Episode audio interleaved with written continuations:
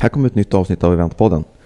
Hoppas du njuter av det och lär dig massor om utbildningar. Tyvärr är ljudnivån inte den bästa på grund av att vi testar ny utrustning. Men håll till godo, här kommer det.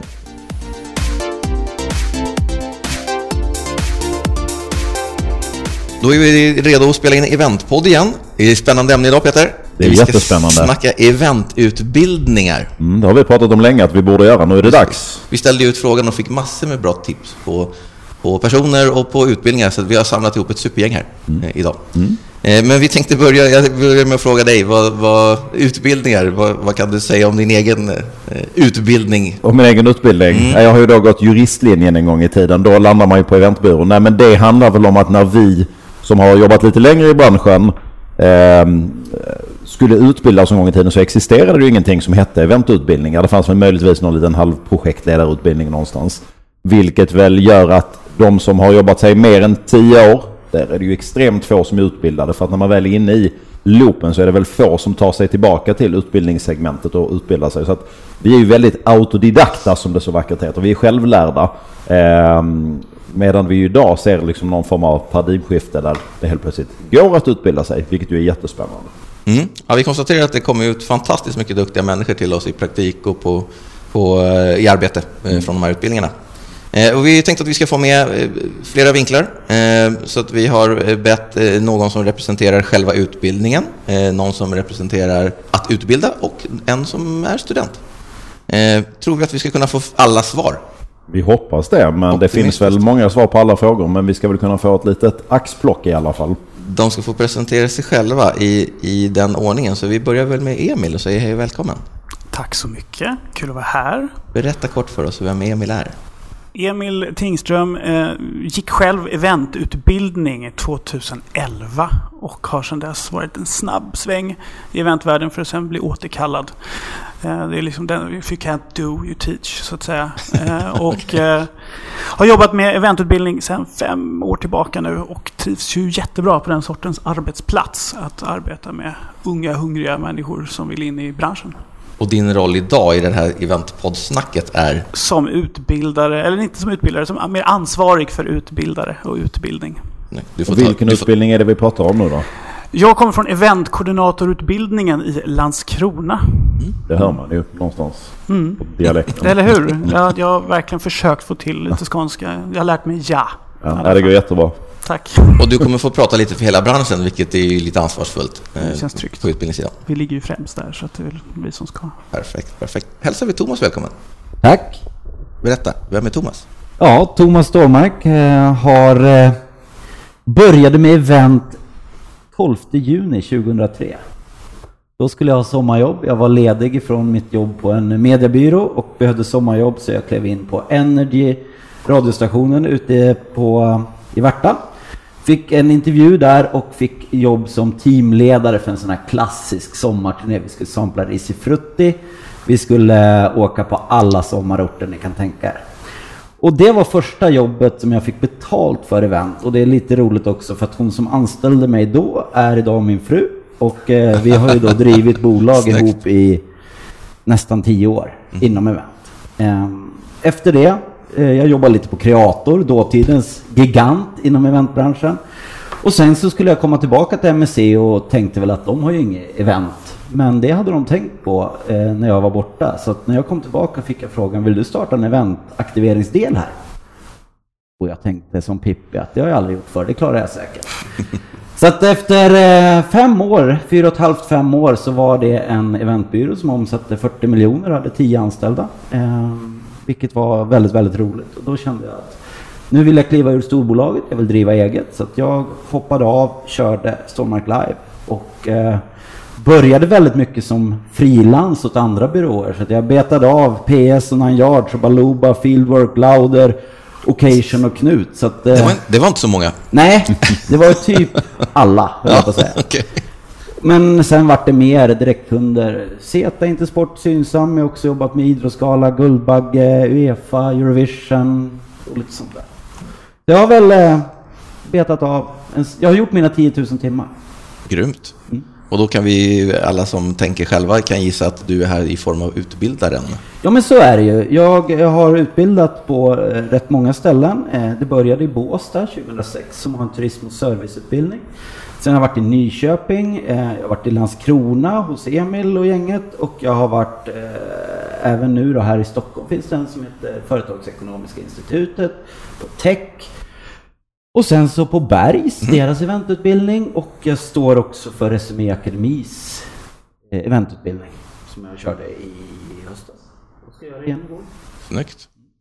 Bred utbildare, det ska vi gå in djupare på strax. Vi ska hälsa vår tredje gäst välkommen, Angelica. Hej, tack så mycket. Student. Jag student. Jag studerar i Landskrona på eventkoordinatorutbildningen. Så att jag är studenternas perspektiv i den här podden. Härligt. Och har gjort innan? Innan, jag kommer från eh, restaurangbranschen och servicebranschen. Så att, eh, ja, Hur långt har du kvar på utbildningen? eh, ja, vad blir det? Två månader kanske? Slutspurt. Slutspurten. Perfekt. Så det här är världens mest aktiva jobbsökarannons eller har du någonting klart redan? Eh, precis. Eh, jag söker jobb. Alla som lyssnar, in och anställa Angelica. Hon verkar grym här efter en och en halv minut. Då ska vi se så här. Vi har eh, erfarenheten och vi har den färskaste, bästa, finaste kunskapen i i rummet samlat. Vi ska ta oss igenom allt vi behöver veta kring utbildningar. Börjar med Emil. Jag tänkte att du skulle egentligen fått ge oss bilden av eh, hur ser det ut, event, de olika eventutbildningarna i Sverige? Men jag tror nästan att Thomas drog alla utbildningar när han talade om var han har varit. Eh, eh, hur, ser hur ser utbildningsbranschen ut på eventsidan? Om man ska lite stora drag. Ja, I stora drag så den har ju tvingats utvecklas lika snabbt som branschen som vi vet också utvecklas väldigt snabbt. Eh, det började väl egentligen rent event med, med Nyköping för drygt tio år sedan som startade en musik och eventutbildning. Eh, och sen 2006 grundades eventkoordinatorutbildningen som var en renodlad eventutbildning som mer var fokuserad på festivaler, aktivering och den eh, fördomen kring event som fortfarande kanske kanske hänga kvar. Festfixaren som var då för tiden också. Kommer aldrig försvinna. Jo. Kommer aldrig försvinna. Men idag så utvecklas allt mer utbildningar. Framförallt inom yrkeshögskolan ser vi ju hur väldigt många poppar upp. Och då som Thomas nämnde, väldigt många av dem. Tech, Yrgo, Landskrona, Åre har väldigt länge också haft en utbildning som är väldigt förknippad med deras bransch. Och det är ju så det fungerar med utbildningar. Om branschen efterfrågar kunskapen så måste kunskapen skapas. Och där är då myndigheten, yrkeshögskolans myndighet, som går in och ser till att öppna nya utbildningar. Och ja, Jag kikade eh, uppåt 30 utbildningar kunde jag liksom googla mig till när jag tittade på yrkeshögskolans. Eh, Sen det finns det ju varianter som kanske tangerar något annat. Men mycket sånt. Kan du inte berätta om varianterna? Det är ju spännande. För att du sa att det- började med musik och event en gång i Ja. tiden. Och festivalinriktningar. Och det finns ju de som är inriktade på DMC-arbete. Berätta lite kort. Vad, vad, kan, vad kan man plugga? Ja, alltså destinationsutveckling är någonting som blivit allt hetare. Och det man framförallt ser också att kommuner börjar allt mer anställa eventkoordinatorer. Och det sätter ju helt nya krav på förståelse kring kommunala verksamheter och dylikt. Men vi har ju största tydliga röda tråden i utbildningarna är ju olika former av kommunikation.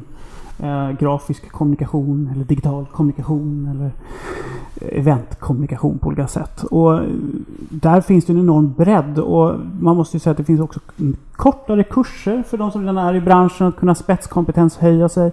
Det finns ju också eh, rätt breda gymnasielinjer som är framförallt inne på marknadsföring och vi har servicebranschen som alltid är växande för ungdomsarbete. Eh, kan man säga någonting om hur själva utbildningen ser ut? Ja, Alltså det, finns det några likheter i tid och form och paketering? Du menar hur... Ja, det finns Hur länge, hur länge kan man plugga 12 år eller pluggar man? Ja, nej, men det finns en väldigt tydlig likhet. Att ungefär två års tid ligger de flesta utbildningarna på. Och i det så, så försöker man utforma dem ganska snarlikt också utifrån just att grunda med kommunikation och grupparbete och få till ledarskapet. Och ledarskap är något som kommer ofta med erfarenhet men här får man de teoretiska grunderna. Men något som binder samman alla är ju framförallt praktiken, LIA, LIA, lärande i arbete, som är den viktigaste delen att komma ut i branschen. ett sätt att se utbildningarna på, inom yrkeshögskolan framförallt är ju som en grunden på arbetsförmedling egentligen. Att du kommer in och redan där så kommer du bli bedömd som eh, potentiell arbetskollega till alla föreläsare och även till eh, jag och mina kollegor som sen ska skicka ut de här i branschen också så gott som det går. Eh, och praktiken som sagt är ju där studenterna får lära känna, förstå och applicera de teoretiska kunskaperna de får ta till sig helt enkelt. Får man fråga Angelica då om, om praktiken? Vänta, jag måste skicka in en fråga innan vi bollar in Angelica som jag blir nyfiken på. Vi Det här tar en med- fråga från Peter först. Ja. ja, men det här med, med, med praktik, jag förstår att det är helt centralt Ja. och jättenyttigt såklart. Och jag tänker, eh, där jag och Jonas jobbar har vi ju en rätt så diger historik av att ha haft duktiga praktikanter där flera stycken då också har blivit anställda. Finns det statistik på hur många som liksom konverterar sin praktik till jobb eller har ni någon känsla för det? Vi gillar ju att kvantifiera alla möjliga sätt och se hur vi kan utveckla utbildningen. Och hur många som går in direkt från sin sista praktik då. Eftersom till exempel vår utbildning har tre, det varierar lite med olika utbildningar. Tre praktiktider så brukar ungefär hälften använda sin sista praktik till att gå in i det arbetsplatsen sen. Så det- 50% av dem, Så det är okej. väldigt många skulle jag säga då för att sätta det i perspektiv. Men då innebär det att det nästan finns någon slags förväntan från studenterna att där man tar emot dem på sista praktiken, där ska man nog kunna ha någon form av behov att anställa den, dem. Absolut. Och det är den pressen också utbildningarna sätter på de studerande. Att tänk taktiskt hela tiden. Det har Angelica fått höra sen hon började. Att första linan kan ni testa lite fram och känna av. Se vad ni vill göra innan ni slutar utbildningen. Men sen så ska det verkligen hela tiden tänkas taktiskt och långsiktigt och med tydliga målbilder om vart du ska sen. Men vi kan också säga att det är väldigt många som inte vet vare sig när de börjar utbildningen eller när de slutar vad de ska göra sen. För branschen är så pass bred. Det är som att stå och titta på filmjölk. Du har ingen aning vilken smak du ska välja i slutändan för att det finns så mycket kul att- välja på. Filmjölk är ju omöjligt och i och för sig allt är vidrigt. Men det är ett sidospår, det är en annan podd. Vi släpper den nu. Angelica, Ja, så. berätta om praktiken. Ja, Stämmer men- det som Peter säger? Ja, jag håller med absolut. Eh, jag tycker praktiken är högst relevant i utbildningen och det är verkligen där vi får chansen att sätta det teoretiska som vi lär oss i skolan i praktiken och få en förståelse eh, för det vi tar in under lektionerna helt enkelt. Mm. Eh, då tar vi med Thomas i den diskussionen. Lirar, lirar det teoretiska med det praktiska? Vad skulle ni säga? Måste nästan du svara på Angelica. Eh, Eh, om du tycker att du har fått... Det tycker jag absolut. Eh, Det finns ju eh, användningsområden för allt man lär sig i livet. Så att det tycker jag. Men då, vad, berätta, du har två månader kvar. Är du på praktik nu eller? Ja, precis. Och var praktiserar du? Nu är jag på Occasion I Stockholm. i Stockholm. Och har du en tydlig liksom, målbild av att du ska, det ska kunna konverteras till ett jobb då? Är det liksom så tydligt som Emil sa?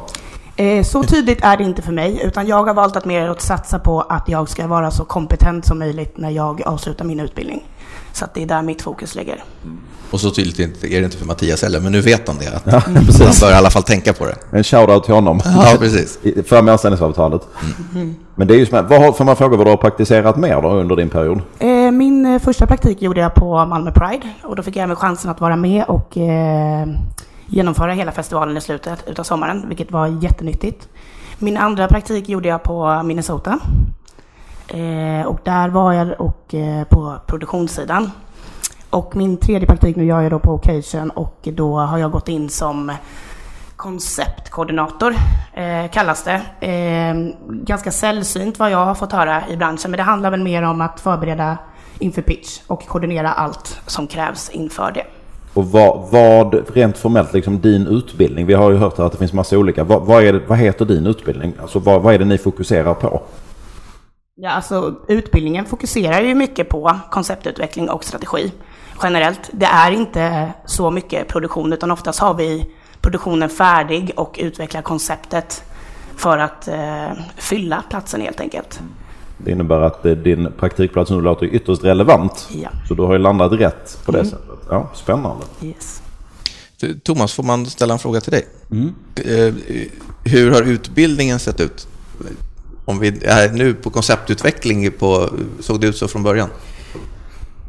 Hur är resan? Så här, som att Ungefär. komma in som extern föreläsare så har man ju inte alltid hela bilden av hur utbildningen ser ut. Jag har ju oftast föreläst inom projektledning av event eller eh, viss mån det kreativa men, men också marknadsföring och kommunikation och den delen och försöka väva ihop allting. Men jag tycker väl lite som Emil var inne på att det, det känns också som att det är lite olika inriktning. Landskrona, där har det varit mycket eh, där är det ju, har varit mycket kultur, mycket festival, många som har liksom gått åt det hållet. Eh, Båstadgänget, de är ju turism, du pratar om DMC, vi pratar om den delen. Nyköping, det var ju, det var ju liksom festival och musik, många där hamnar på Live Nation. Mm. Eh, sen har vi den här Fade i Stockholm, de har ju inriktning corporate event, så de har ju kanske en väldigt tydlig eventbyrå eller kundsidan inriktning. Medan många från Landskrona hamnar på olika festivaler eller så. Så det, mm. det, är lite olika inriktning på dem tycker jag. Men, men jag tror att de är nog hyfsat snarlika i liksom innehållet ändå. Även om det sen liksom case och så vidare och vart man hamnar på LIA mm. styr lite grann vad man haft för grundintresse. Vi, vi ser väldigt tydligt också att vi går också mer mot byråhållet med tanke på att det är där branschen växer som starkast. Så att vi Utbildningen i sig följer alltid en ledningsgrupp som sitter och bestämmer hur utbildningen ska utvecklas och vart vi ska gå, hur vi ska utstråla, vad vi ska säga. Och den riskgruppen består av största delen av arbetslivet som kommer in och tycker väldigt mycket. Och så ska Aida och jag försöka få ut det till till exempel Thomas som ska utbilda inom det. Så.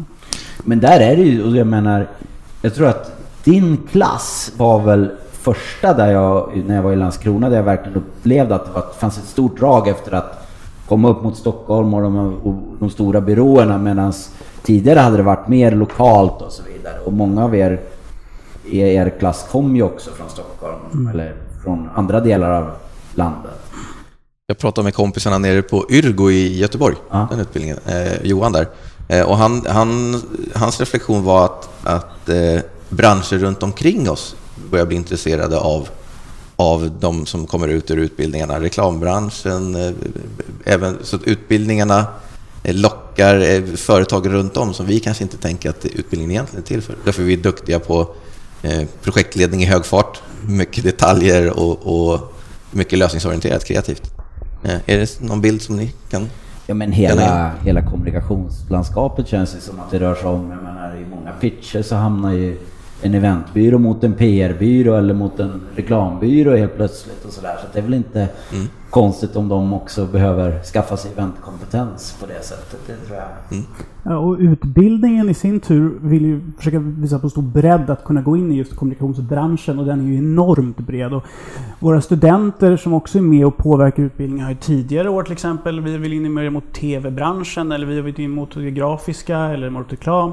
Och där måste ju vi som utbildning väldigt tydligt också, nu måste vi ju bli lite mer snardragna. Var, var är vi? Vad är gränsen? Vad står vi för som utbildning? För att inte just bli allt. Utan allt för alla. Allt för alla, mm. exakt. De spetsar till det så mycket vi kan mot då produktion och eh, det mer praktiska. Får man fråga angående de här LIA-platserna. Nu pratar vi mycket byråer och hit och dit. Händer det någon gång att, att de här studenterna landar i, eh, alltså direkt in på företag? Alltså eventköpare. Hur mycket sånt finns det? Absolut, och det har växt väldigt mycket de senare åren och det är tack vare ledningsgruppen och föreläsare som kommer in och trycker på det framförallt. Eh, och där ser vi ju många av de framträdande företagen som redan är duktiga på det här. Till exempel Oatly som också har en fabrik i Landskrona som jobbar mycket med oss kring det här. IKEA, alltså de här större jättarna som kommer in och eh, förstår värdet av det. Och vi hoppas ju att de går i bräschen för resterande företag också som har samma kaliber. Nu släpper ni eh, ansöknings... Dags att börja ansöka snart här. Eh, hur ser det ut? Är det mm, för mycket folk som söker eller är det svårt att få folk att komma och hur går ansökan till? Vi har ju dels en ledningsgrupp som mm. sätter stora krav på våra elever och vill ha de bästa hela tiden. Sen har vi en myndighet som vill ha så många unga i arbete som möjligt. Eh, och eh, förenkla det spåret som möjligt. Så vi har ju nu eh, tagit bort många av våra tidigare krav på arbetslivserfarenhet och dylikt. Så att du behöver gymnasieutbildning så att säga för att ansöka. Och sen så kommer du att bli tagen till våra antagningsdagar. Mm. Och det är ju värre än idoljuryn där, att komma in bland 30-40 andra under en dag. Vi har flera dagar då, men så kommer man till en dag. Du har ju varit där, jag har själv varit där på en sån dag. Och man har ingen aning. Vad tittar de efter? Vad vill de ha? Eh, och jag vet inte hur mycket jag ska avslöja. Vi kan väl låta Angelica berätta hur det var när du gjorde det. här är ju spännande. Är det som en eh, talangjury eller idoljury eller vad är det för någonting? Eh, ja, det är det ju verkligen. Vad, Eh, vad fick du göra? Eh, bra fråga. Eh, dagen är ganska blurrig i sig. Men eh, först eh, hade vi en genomgång och sen så är det, det är ett prov, ett skriftligt prov som går på tid. Och, eh, Som du har pluggat inför eller bara det här är nej, jag? Utan det kommer lite frågor som handlar om eh, lite olika skeden och eh, annat. Eh, där ja, du ska besvara dem så gott du kan helt enkelt utifrån dina egna erfarenheter. Sedan har vi en, ett case som vi vill bli uppdelade i grupper och får ett case som vi ska jobba med. Och efter det så är det presentation utav dessa case eh, inför allihopa som är där då. då. Och ty, typ släng ihop en uh, Pride-festival i Umeå. Ja, i Det typ princip. Det är, här har du en arena, tror jag att jag hade, och eh, gör det här. Och då sitter Emil, och då sitter ni liksom som, som eh, juryn och tittar vem som verkar sund och förnuftig och som har bra slutsatser eller bra sätt att resonera och sen väljer man eh, vilka som man då erbjuder plats till.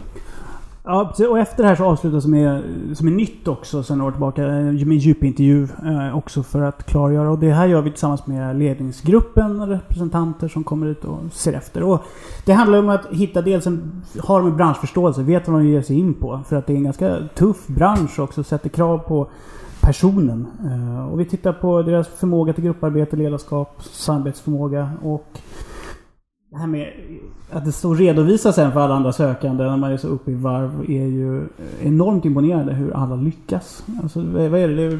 efter döden så är det folk, eller folk är mer rädda för döden än så att redovisa.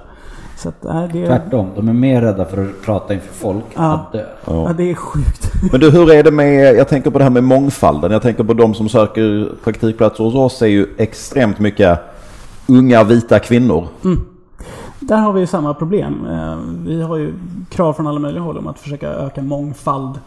Eh, Det har till och med varit snack om kvotering och det går ju inte i hållbarhet. Men, men eh, vi har samma sak och det ser vi på nästan alla utbildningar. Det är kvinnor medel cirka 25-26 år gamla. Och jag drog en lite snabb statistik på alla som tagit examen och drog en genomsnittsålder. Där vi 26 och vi har genomsnittskön på nästan uteslutande tjejer. Varför? Ni, ni måste ju ha pratat om det och analyserat det. Absolut. Vi har ifrågasatt allt ifrån namnet till utbildningen till eh, vad, vad, vilka kurser vi har. Och sen ser man ju generell bild av att kvinnor utbildar sig mer än män. Och man kan inte säga mer än att utan att behöva dra generaliseringar kring kön här. Så det är svårt att diskutera fram ett korrekt svar till det här. I min värld så är, är tjejer generellt sjukt mycket bättre på att projektleda. Hålla reda på tid och pengar. Samtidigt finns det ju, tittar man, liksom, tittar man på, på det gamla gardet så är det ju en övervägande del män fortfarande. Men sen tittar man på byråerna så är det ju väldigt mycket kvinnor och på utbildningarna nästan bara kvinnor. Så att det är någonting som är, som är skevt där. På gott eller ont, det vet jag inte. Men det är ändå en intressant reflektion. Skevt är ju aldrig bra, så förmodligen på ont i Ja, huvudsak. ont. Ja, men jag tror att eh, på vissa utbildningar, jag tror som mest har det väl varit sex killar på, på 35 personer. Någonting så här. Att ni var det i er klass. Eh, Nu har jag föreläsare på ett ställe med en kille och 33 personer. Mm. Så, eh, det, är, det är någonting som inte blir riktigt bra. Om vi tittar lite mer på, på utbildningarnas utformning. Angelica, vad, vad saknar vi? Vad skulle du vilja att, vi, att, att, att det var mer utav? Vad tror du kommer framåt som vi behöver vara duktigare på inom branschen? Mm, det är svårt att säga. Jag tror att mycket ligger i eh, det professionella. Eh, där vi behöver ha ett högre krav på att studenterna kommer ut och är beredda på att föra den dialogen som krävs eh, på, när du är i förhandling med kunder. Helt enkelt. Själva kundmötet? Ja. För det är ju någonting som vi endast får när vi är ute på praktiker. Eh, och eh, i många fall så får man ju inte heller vara med och få den erfarenheten. Så att om man på något sätt hade kunnat utveckla det i utbildningen så hade det nog givit mycket. Att lära sig att fortsätta idéa och sälja in idéer fast man torskar eh, sju av tio eh, med lika glatt humör. Ja, precis. Det är svårt att träna på. Eller Peter? Eller Nej, du att- torskar inte 7 av 10, men vi andra som Nej, men jag, jag är ju motståndare mot hela den här pitchkulturen. Jag tycker att man kanske behöver lära sig då att man... Eh, det kanske är en annan sorts utbildning, men att man inte ska in i pitch. Det är ju en sjukdom i vår bransch, liksom, eller det här pitchförfarandet. Pitch för mig är ju bredare än så. Det är ju att sälja in för en hel ledningsgrupp ett, ett case. Gillar ni vårt upplägg? Det är en annan så. sak. Så att Ja. hela den, hela, att finnas i ett rum med 12 personer på kundsidan och kunna få ihop det, det, det, det är svårt att träna på. Eller som du gjorde igår. Vad gjorde en Åh! pitch för 70 personer? Min största pitch i historien för 70 man. Hej och den ska jag lite inte lite berätta speciellt, om men nu. det tar vi en annan gång. Får jag fråga eh, till er alla, men kanske Angelica. Nu ska vi säga, vissa av de här är ju då eh, studiemedelsberättigade och man kan ha studielån och så vidare. Men är alla det? Det kanske är till herrarna i och för sig. Eller finns det några man bara betalar privat helt och hållet? Det finns ju eh, kurser, kortare kurser för att kunna betala privat eller som företag och betala för din anställning. Men inga längre så här flerårsutbildningar? De längre är nästan alltid, de är alltid CSN-berättigade. Ja. Eh, Och det här grundar sig i att staten, regeringen har förstått att det finns ett behov av det. Mm. Så att man, man lägger ut utbildningar utifrån myndigheter och universitet. Och rent praktiskt, jag tänker åka till Landskrona, nästan mina gamla hoods. Har ni liksom ett sånt där paket att här har vi kontakt med hyresvärdar som man kan hyra lägenheter? Eller hur, hur löser man liksom en sån sak? Om det nu är många som är inflyttade för utbildningarna. Jag är en enorm företrädare för Landskrona och vill verkligen ha så många studenter som möjligt dit. Och i år var första året som jag sa att ärligt att de flesta flyttar till Malmö eller Helsingborg. För att de tycker det är en mer attraktiv stad. Men då, här var första året som vi fick sex stycken studerande att flytta till Landskrona. Jag var jättenöjd med det och där hade vi kontakt med ett eh, bolag som hyr ut studentlägenheter. Men annars är det liksom man löser det själv. Ja, och precis. fixar allting. Och de flesta pendlar och hittar Ja. liksom studiemiljö och studiero där också. Och är det kanske en anledning till att ganska mycket av de utbildningarna inte ligger i Stockholm? Jag tänker att det borde vara en, ännu mycket svårare att få till livet som student i Stockholm. Så kan det mycket väl vara. Samtidigt som många kommer från Stockholm så de utbildar sig i Stockholm också.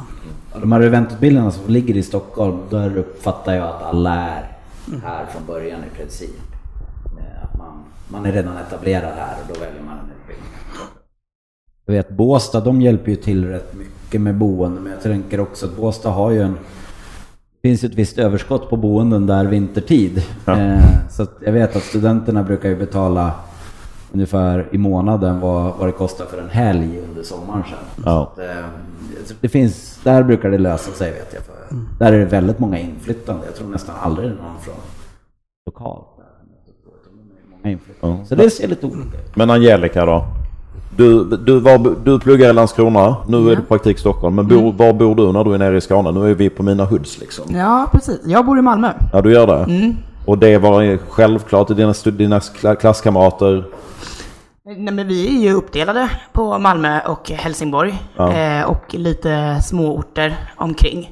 Men hur är det med kårandan då? Folk som eh, åker till Lund och pluggar, då lever man studentliv där. Finns det en sån sammanhållning på, på utbildningen eller är det liksom att man hänger med dem man känner för och det finns ingen direkt... Finns det mycket aktiviteter för er som går i samma klass? Eh, det finns inte direkt mycket aktiviteter. Eh, ganska mm, bra årgång jag har hamnat i. Vi har lyckats hålla en väldigt god sammanhållning och har massvis med aktiviteter, kåriga aktiviteter ihop eh, när vi kan. Nyttjar man systemet? Alltså vad menar jag med det? Jag tänker vi, vi som jobbar i eventbranschen, vi blir inbjudna till allt och lite till liksom. Och så blir man lite bortskämd. Man tycker det är inga problem liksom man behöver gå på något event eller någonting. Har, eh, har ni hamnat in i det ekorrhjulet än? Liksom att de kan, liksom ställen vill att ni ska komma och titta och så? Eller är ni ett steg för långt bort för att de ska förstå att de ska liera sig mer? Mm, vi är nog ett steg för långt bort. De vill väl snarare att ni ska komma och jobba gratis. Ja, precis. Det är, vi, vi gör ju väldigt mycket volontärsuppdrag eh, under eh, utbildningen, vilket eh, ger ju en enorm erfarenhet. Eh, men eh, branschen har nog inte riktigt fattat hur eh, mycket de skulle kunna få ut utav oss som går på utbildningarna under tiden vi är där. Men samtidigt så har man ju som student också en enorm möjlighet att kontakta hela branschen utan att vara ett hot eller sälja eller någonting utan bara utnyttja det. Jag är studerande och vill lära. Vill du hjälpa mig? Vill du vara min mentor? Vill du inspirera mig? Det är inte många som säger nej till det heller och då får man en väldigt bra inblick och väldigt snabbt en fot in med någon som håller en i handen. Jag håller med. Och vi har ju rätt många studenter som har varit på två, tre praktikplatser som har en ganska bra insikt i mycket mer än vad vi, jag har varit på en byrå hela livet-varianten. som man borde kunna dra erfarenhet av åt andra hållet, tänker jag. Om man ska börja jobba någonstans borde man kolla med alla gamla studenter som har praktiserat på alla de här byråerna och säga var är det bäst? Var är det bäst kultur i väggarna? Var är det på riktigt? Var, var är det som det ska? Om man hoppar in på framtidens kompetenser, vad tror vi att vi behöver kompetensmässigt eh, framåt av våra eventmarker? Får jag börja? Ja, sjukt. Ja, men jag, eh, jag blir lite överraskad när ni pratar så mycket innehåll. Min bild kan vara felaktig, men min bild har varit att det är väldigt stort fokus på produktion och eh, eh, genomförande av event. Och eh, det jag har gått och klurat på själv och eh, det är ju en mer innehålls eh, Eh, kreatörs, eventkreatörsutbildning. För den har jag inte riktigt sett att den finns. Den kanske gör det, men, men eh, då genomsyras den inte i namnet för det är projektledare, det är eventkoordinator, det är där eventstrateg eller eventkreatör eh, eller någonting sånt. Där, där tror jag det skulle kunna finnas en öppning för en utbildning. Eh, alternativt att man kanske har ett valbart andra år där man väljer mellan man vill bli produktion eller man vill bli eh, på innehållssidan. Den, eh, det skulle kunna vara en väg. Ja, Thomas, du är inne på det här svårigheten för oss också. Vi ser ju samma behov som du. Eh, min kollega Aida har väldigt mycket erfarenhet av den sidan av branschen också. Och när det kommer till sån här, som du säger, vidareutbildning också, så vill vi gärna utbilda branschen. Alltså vi talar liksom också om den digitala utvecklingen, algoritmer och big data och, och allt vad som gäller. Men det är svårt att sen sätta tillbaka någon i skolbänken som är ute i branschen och det är svårt också att vem skulle gå en längre djupare utbildning med gå till CSN-lån. Så att vi vill inte heller konkurrera ut branschen. Vi vill liksom hela tiden försöka skapa möjlighet för våra studerande.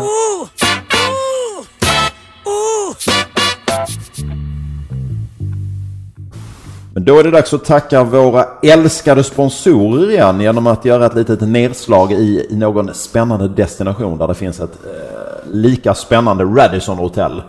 Jonas, spänningen är olidlig. Vart ska vi ta vägen? Vi befinner oss högt upp på Skybaren i Oslo. Jaha, ja, där ser man. Eh, Din, eh, ditt förhållande till Oslo? Eh, blurrigt. Blurrigt. Bra, då har jag ganska fria Jag var faktiskt i Oslo för något år sedan och firade 17 maj med familjen. Det var ju väldigt, väldigt intressant. Det rekommenderar jag alla. Men Ja. då bodde vi ju inte på ett Radisson hotell. Men det finns väl riktigt bra stora mötes och eventhotell i, i Oslo va? Radisson Blue Plaza vill jag prata om. Skybar där uppe börjar vi. Fantastiskt bra. Ett hotell vid centralstationen, nära till eh, det du behöver. Klarar stora grupper. En häftig, riktigt häftig eventyta att att leka stort på. va? 1100 personer klarar du. Bra lösningar för middagarna, bra lösningar för konferensen. Eh, rekommenderas verkligen.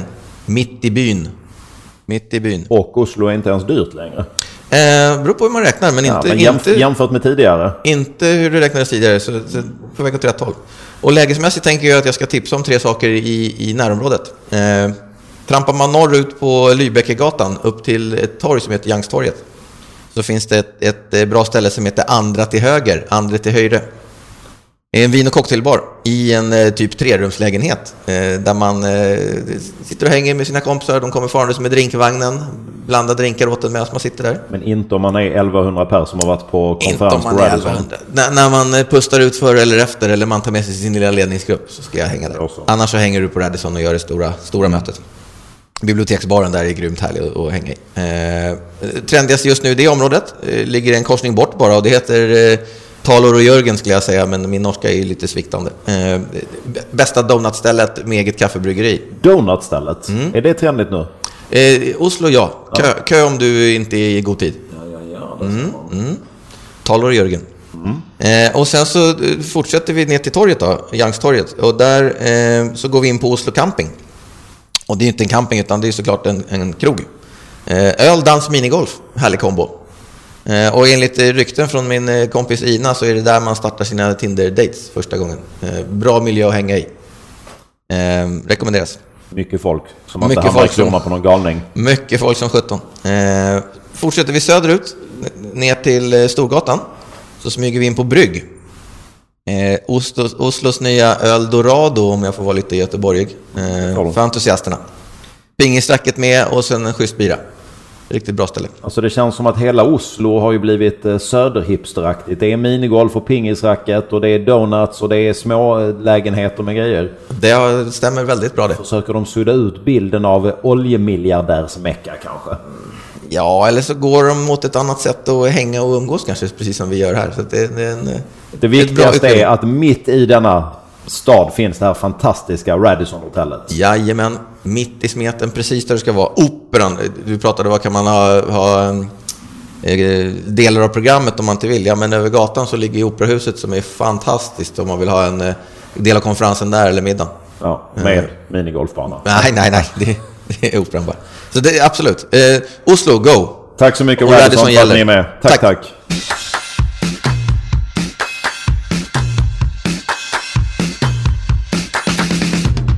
Thomas, vi ska prata lite grann Gyllene hjulet eh, och studenter.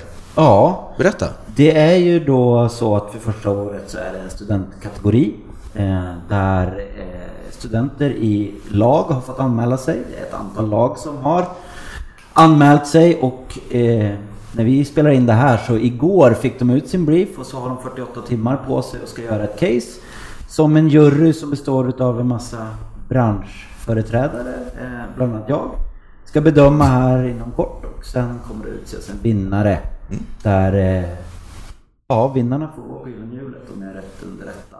Trevligt. Då får vi väl klappa om lite extra. Framförallt kanske bra, bra i CVn att man har varit med i vinnande teamet kan jag tänka mig. Och Peter, vad är Gyllene hjulet? Gyllene hjulet är ju vår branschorganisation CES, alltså Sponsring Student Sveriges eh, stora tävling som kommer en gång om året som ju är enligt mig den enda tävlingen som egentligen räknas i Event-Sverige. Den mäter, eh, eller den- hyllar bidrag som visar på effekt till stora delar. Det finns lite olika kategorier.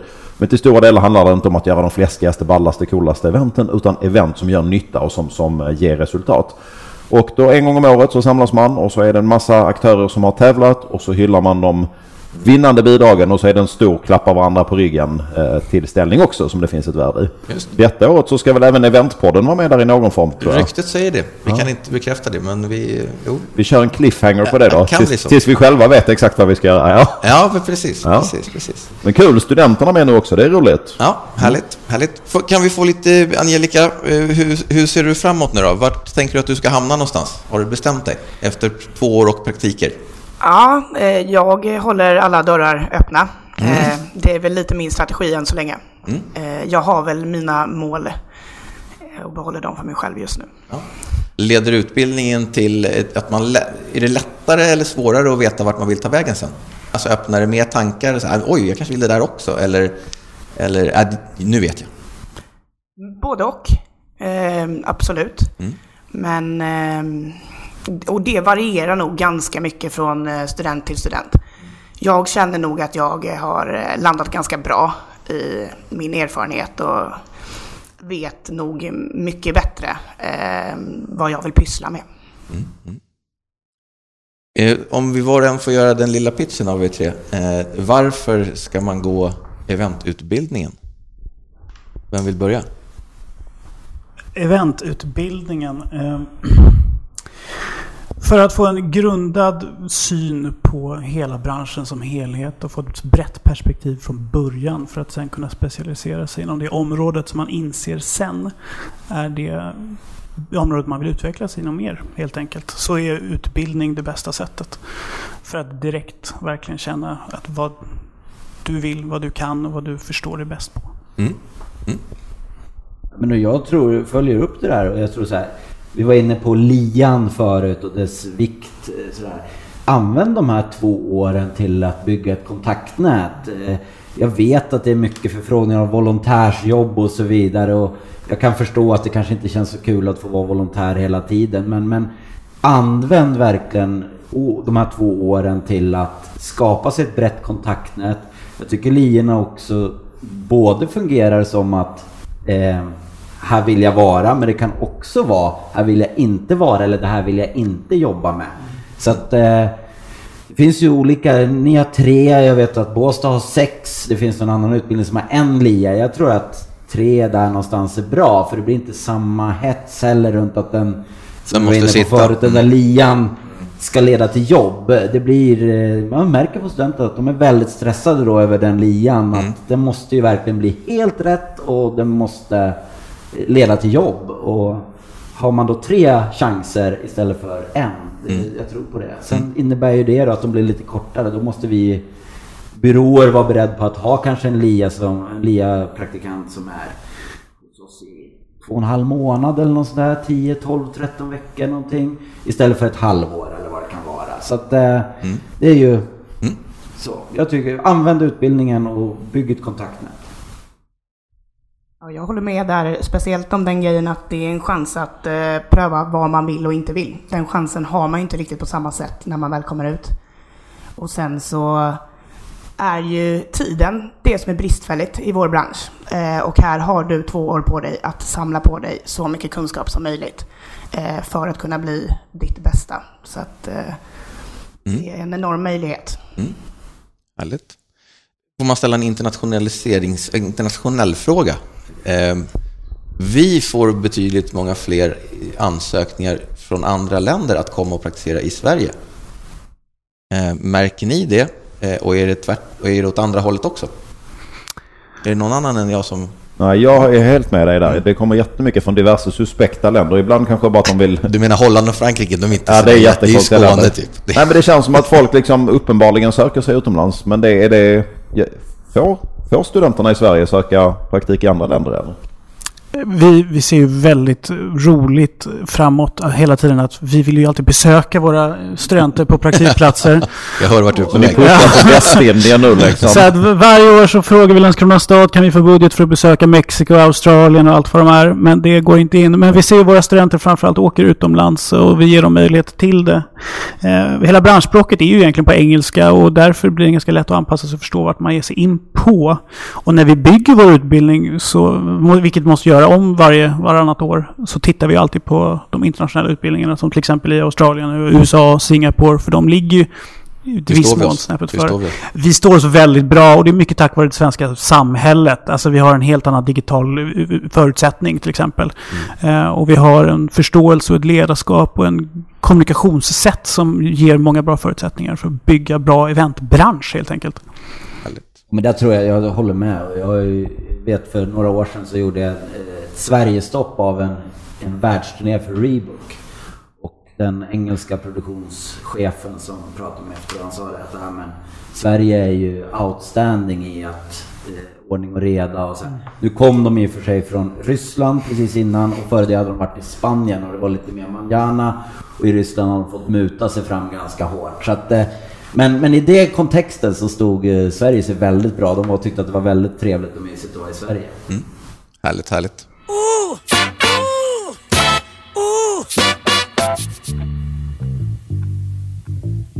Vi ska ge oss in på sista punkten, veckans blooper. Och då har vi ju bett Thomas. eh, Och glädjande nog så har du någonting till oss. Ja, men det har jag väl. Eh, Jag menar, eh, jag har hållit på sedan 2003 då, så är det klart att det inte alltid har gått som man hade tänkt sig. Jag lyssnade på Maria Guggenberger häromdagen som för övrigt var ordförande, eller VD när det hette SEFS.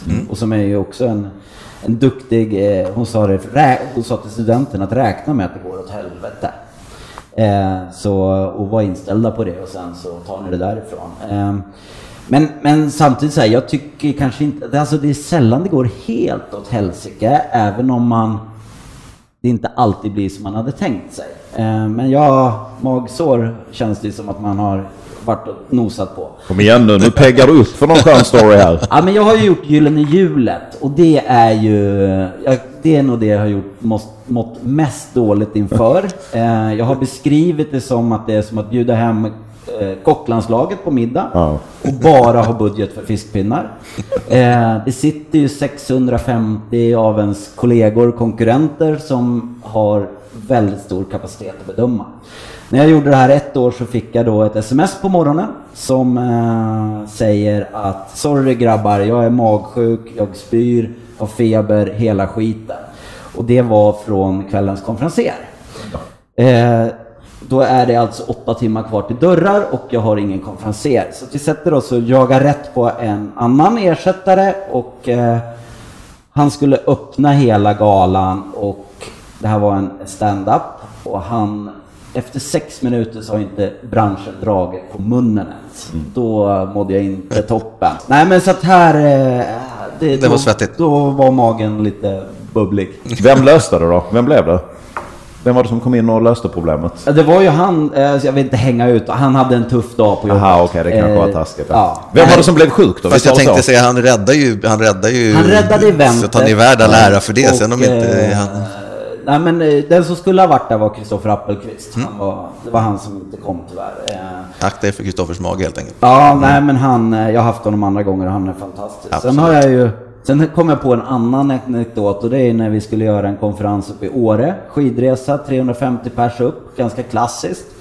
Eh, snöstorm natten innan och då är man ju lite på tå när man har eh, när man har tåg inblandat. Eh, men i det här fallet så kommer gästerna 45 minuter för tidigt för de har kört om det ordinarie Åre-tåget och eh, det var en eh, tuff start på dagen. Eh, gästerna sopar in där trötta och hungriga 45 minuter för tidigt och hotellfrukosten är inte klar.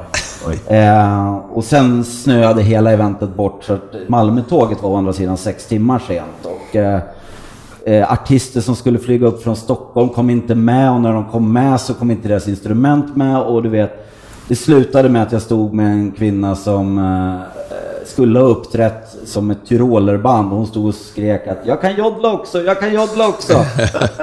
Då känner man att man är yrkesstolt någonstans. ja men då kände jag någonstans att nu går jag ut och Sex månaders planering. dränker mig i Åresjön. Liksom. Nej men och sen bara någon sån här, jag vet jag har gjort 15 idrottsgalor och första gången jag var med och planerade alla volontärer så då hade jag någon sån här ambition, vi har ju 60 volontärer på hade någon ambition om att alla skulle få göra något kul. Så att jag hade gjort något schema på kvartsnivå där, där de skulle snurra runt på olika positioner och ett tag skulle man få vara med artister och sen skulle man väl stå i någon dörr. Det var inte en kanonlösning ska jag säga. Eh, jag tror att ingen var där de skulle och jag fick vara på alla de där 60 positionerna själv och försöka lösa. Så att eh, efter det så har jag väl eh, där. Det är bättre att vara tydlig. Du har den här uppgiften, du ska lösa den på det här sättet. Som idé var det bra. Som idé var det bra och det var vänligt tänkt men, men det, det, det vart inget bra. Det var inte så. Men jag har fått vara kvar. Jag har gjort Tacka för tre... 14 till efter det. Ja, men då så. Då blev det ändå lyckat. Ja.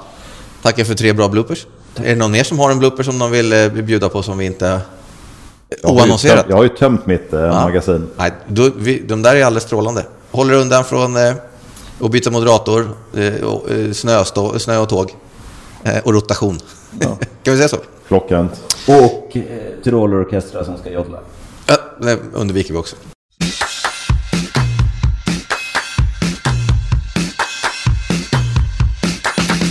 Vi önskar Angelica jättelycka till med eh, att hamna på rätt ställe och avslutningen av utbildningen. Tack så hemskt mycket. Vi önskar Emil lycka till med fortsatta framgångar i Landskrona. Tackar.